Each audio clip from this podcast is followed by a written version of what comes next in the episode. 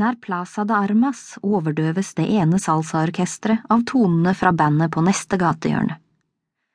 Den søtlige lukten av rom og billig parfyme henger over Kai Obispos og Kai O'Reillys bardisker. Bredskuldrede og bastante som i spanske bodegaer. Hemingway Country. Havanna er blitt både museum og horehus, med en befolkning som uoppholdelig tilbyr sine tjenester. Med dollar kan alt kjøpes, og for dollar selges alt.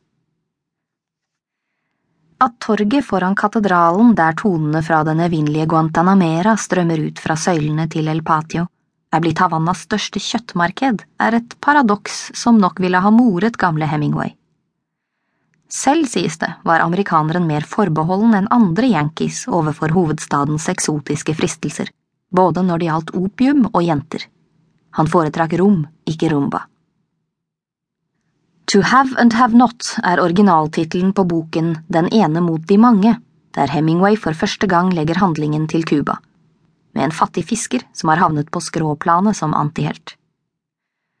Tittelen kunne vanskelig beskrive dagens situasjon på øya bedre for landet er delt i to.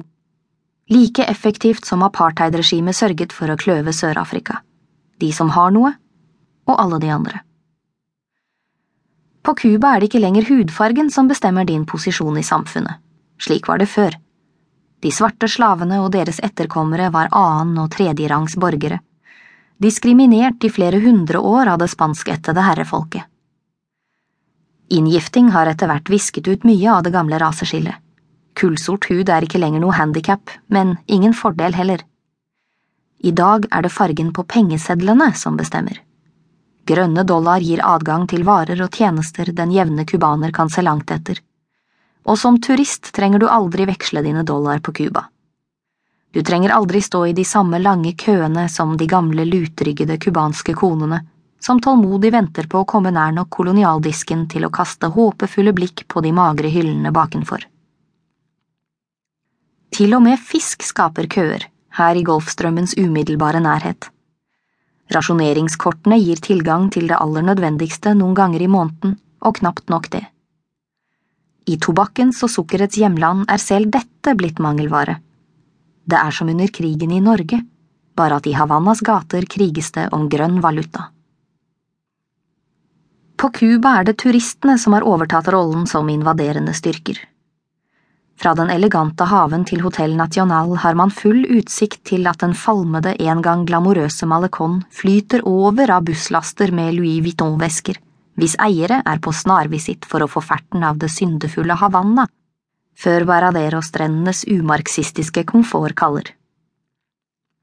Hotellet selv er et landemerke av en bygning som ruver over Benado-strøkets toetasjes bygninger som tilhørte aristokratiet før de ble bordeller og, i dag, skoler.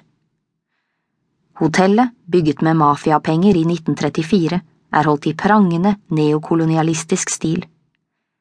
Mauriske fliser i lobbyen, omfangsrike lysekroner, dype kurvstoler og sofaer gjestene drukner i, bare for å bli reddet av hvitkledde kelnere med gylne romdrinker på sølvfat.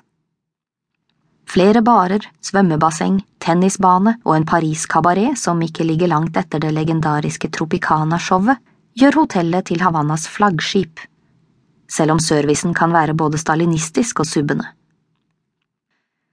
I et land der velutdannede tvinges ut på gaten for å bomme såpestykker fra utlendingene, er Hotell National et sted som kan tenne en revolusjon. Hvilket det da også gjorde etter at den korrupte diktatoren Batista inviterte USA-mafiaen til å vaske pengene sine på Cuba i 1950-årene. Slanke jenter og fete skjetonger danset mambo i Havanna-natten, mens Frank Sinatra, Eartha Kitt og Nat King Cole ble fløyet inn for å trekke big money til byen.